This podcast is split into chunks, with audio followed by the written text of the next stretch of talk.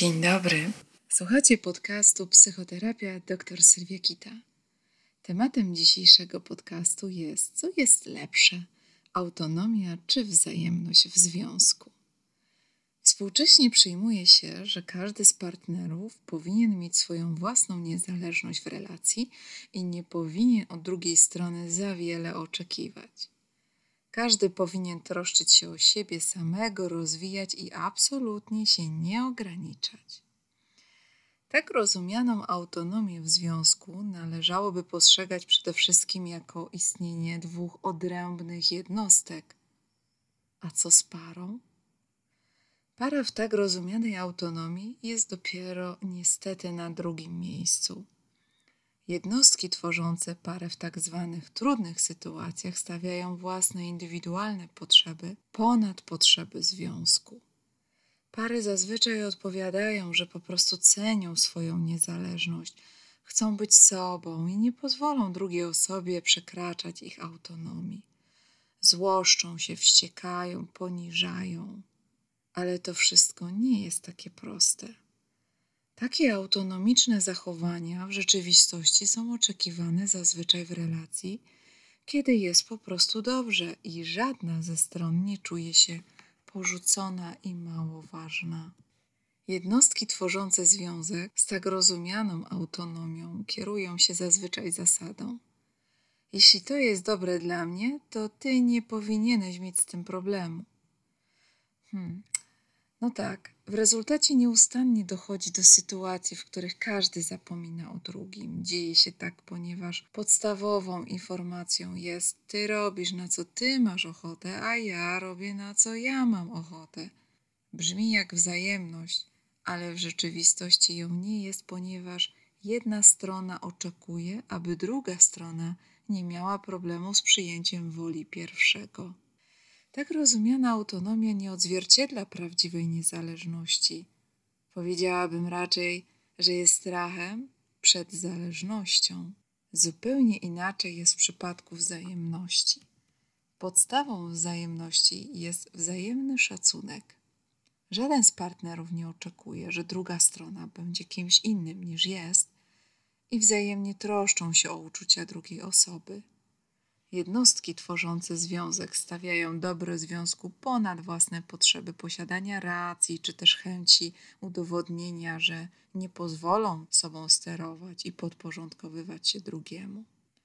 W pracy z parą, która ma trudność w utrzymaniu i pogłębianiu więzi, pracuje nad tym, aby każdy z nich zastanowił się, czy jego lub jej chęć realizacji jakiegoś indywidualnego planu, na przykład wyjazdu do koleżanki na kilka dni do kolegi, pójście na wieczór kawalerski pomimo narodzin jego własnego dziecka, które ma parę dni i tym podobne sytuacje, będzie sprzyjać pogłębianiu bliskości w związku, czy raczej będzie służył polepszeniu samopoczucia jednostki w związku, a nie związku jako całości. Jest to szczególnie istotne pytanie w sytuacji kryzysu i emocjonalnego oddalania się partnerów od siebie nawzajem. Poczucie bliskości jest bardzo subiektywne, zapewne o tym wiecie. Oznacza to, że zarówno to, jak blisko czujesz się związany ze swoim partnerem, jak i to, jak bezpiecznie się z nim czujesz, dzieje się wyłącznie w tobie, w twoim umyśle, w twoim ciele. Możesz czuć intensywną bliskość, ale istnieje ryzyko, że twój partner lub partnerka nie będą wiedzieć, jak się z nimi czujesz, dopóki o tym im nie powiesz.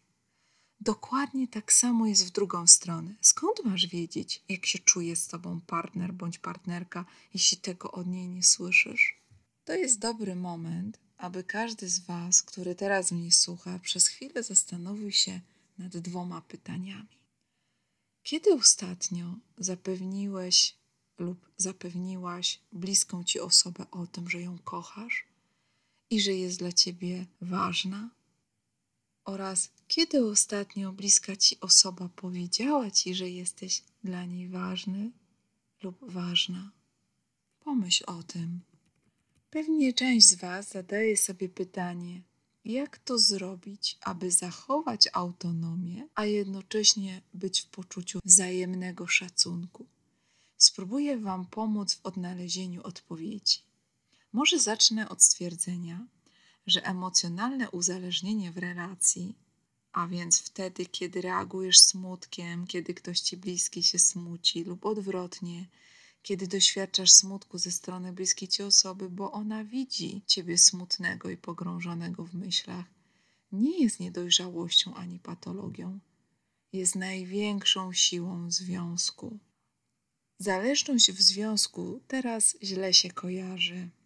Przyjmuje się, że zdrowa dorosłość to emocjonalna niezależność i samowystarczalność oraz że powinniśmy budować wokół siebie mur strzegący nas przed emocjami. Dążenie do autonomii, odrębności uczyni cię wolnym człowiekiem. Czy aby na pewno? W gabinecie w pracy z parami często spotykam się, zwłaszcza w połowie procesu terapii, kiedy para już potrafi ze sobą rozmawiać w poszanowaniu drugiego. Spotykam się ze stwierdzeniem: My nie chcemy mieć za słodko, nie lubimy patrzeć na znajomych, którzy ciągle mówią do siebie pieszczotliwie, przytulają się do siebie, trzymają się za ręce, jak nastolatkowie. Uważamy, że są zbyt zależni od siebie, to wręcz niezdrowe. A ja wówczas pytam taką parę, czy ci znajomi chodzą na terapię par lub czy słyszeli, czy chcą się rozwieść. I wtedy zapada cisza. Czasem obserwuję również podczas terapii indywidualnych u swoich pacjentów, że zwyczajnie wstydzą się rozmawiać o swojej takiej naturalnej potrzebie miłości, bliskości, bezpieczeństwa w relacjach, w których się znajdują. Są bowiem przekonani, że okazywanie potrzeby miłości i bliskości jest oznaką ich słabości. Słyszę nieraz: Zobaczy mój słaby punkt i będzie miała przewagę nade mną. Tymczasem badania naukowe zupełnie przeczą takim przekonaniom, iż autonomia, odrębność związku prowadzi do szczęścia w relacji. Jest zupełnie odwrotnie. Okazało się, że bliski związek jest najsilniejszym czynnikiem prognostycznym szczęścia. Przykładem może być publikacja badań ludzi, którzy ocaleli po zamachu z dnia 11 września 2001 roku. Badani posiadali bezpieczne, wypełnione miłością związki. Szybciej dochodzili do zdrowia od tych, którzy byli pozbawieni silnych więzi. 18 miesięcy po tragedii wykazywali mniej oznak zespołu stresu pourazowego, zwanego PTSD, i rzadziej chorowali na depresję. Bezpieczna więź stanowi stabilny punkt oparcia, z którego startujemy, żeby poznać to, co nieznane nawet jeśli czujemy niepokój. I odwrotnie, trudno jest nam otworzyć się na nowe doświadczenia, kiedy większą część uwagi i energii poświęcamy na zabieganie o bezpieczeństwo w relacji. Być może ci, którzy mnie teraz słuchają, wiedzą o czym mówię. Brzmi to paradoksalnie, ale nasze uzależnienie od innych sprawia, że jesteśmy bardziej niezależni. Oczywiście, że bycie ze sobą w bliskiej relacji nie oznacza tracenia siebie samego.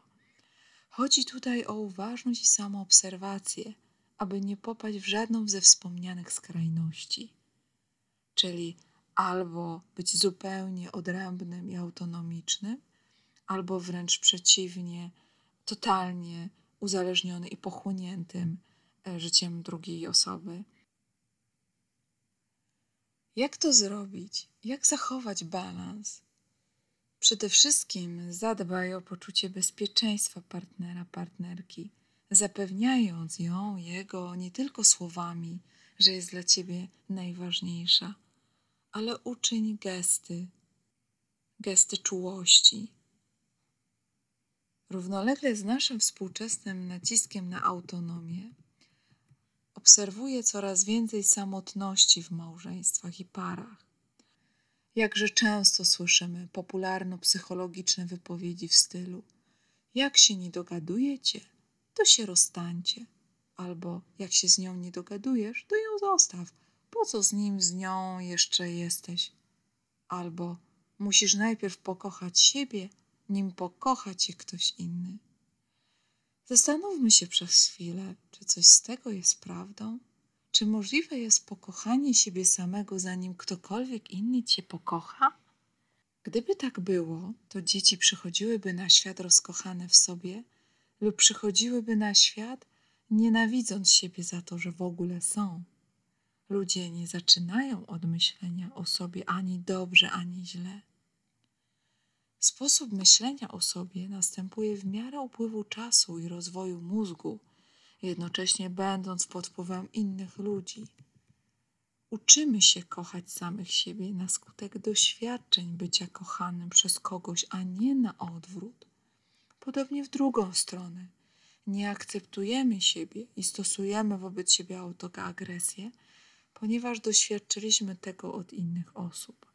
Nasze poczucie własnej wartości, ważności i samooceny rozwija się dzięki innym ludziom na skutek tzw. Tak relacji interpersonalnych.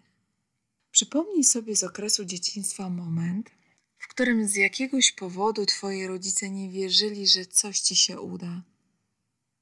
Czy pomimo ich braku wiary w ciebie nadal byłeś lub byłaś w stanie wierzyć w siebie?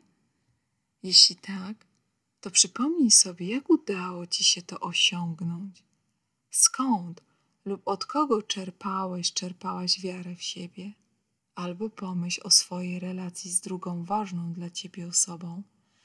Czy jeśli słyszysz od niego lub od niej, że ci się coś nie uda, że do niczego się nie nadajesz, jak wówczas reagujesz?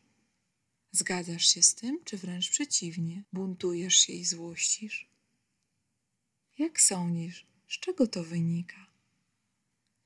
W każdej z wymienionych sytuacji jest wysoce prawdopodobne, że jeśli udawało ci się zachować wiarę w siebie, przekonanie to miało swoje źródła ważnej dla ciebie osobie. W taki właśnie sposób stajemy się tymi, którymi jesteśmy. Wszystkie nasze wcześniejsze interakcje i relacje ukształtowały nas tym, kim teraz jesteśmy. Wiele par, które przychodzą do mnie do gabinetu, dzielą wyniesione z domu wzory, modele bycia w związku.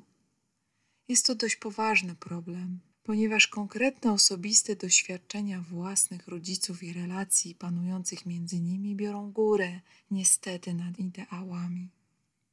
Po prostu tak działamy.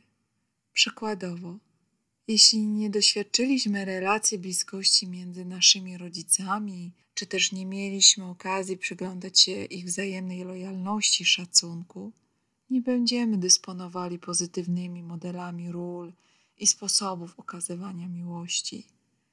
Jeśli nigdy nie widzieliśmy wzajemnej troski, wrażliwości w relacji własnych rodziców, to te wartości prawdopodobnie umkną nam w naszej relacji, którą tworzymy z drugą osobą. Być może teraz, kiedy mnie słuchasz, zaczniesz bardziej odważnie mówić o swoich uczuciach i okazywać ważność drugiej osobie, na której ci zależy. Jeśli wasz związek ma więź emocjonalną, druga osoba zapewne początkowo zareaguje zdziwieniem, jeśli wcześniej byliście bardziej autonomiczni, ale przypuszczam, że sprawi jej to wewnętrzną radość i ukojenie. Być może pozwoli jej to w dalszej kolejności odwzajemnić jej własne uczucia w stosunku do ciebie. Jeśli tak się nie stanie, sugeruję, abyście pomyśleli o wspólnej sesji u doświadczonego terapeuty par, który poprowadzi was w stronę wzajemności, a nie odrębności i skrajnej autonomii. W kolejnym trzecim odcinku opowiem Wam o przywiązaniu, stylach przywiązania w związku. To jest dość ciekawy i ważny temat nie tylko dla słuchaczy będących w związkach małżeńskich, partnerskich, ale również dla singli, którzy chcą się czegoś o sobie w tym obszarze dowiedzieć. Zapraszam Was do obserwowania i słuchania kolejnych odcinków podcastów. Możecie mnie znaleźć na stronie www.sylwiakita.pl oraz na stronie na Facebooku. Do usłyszenia.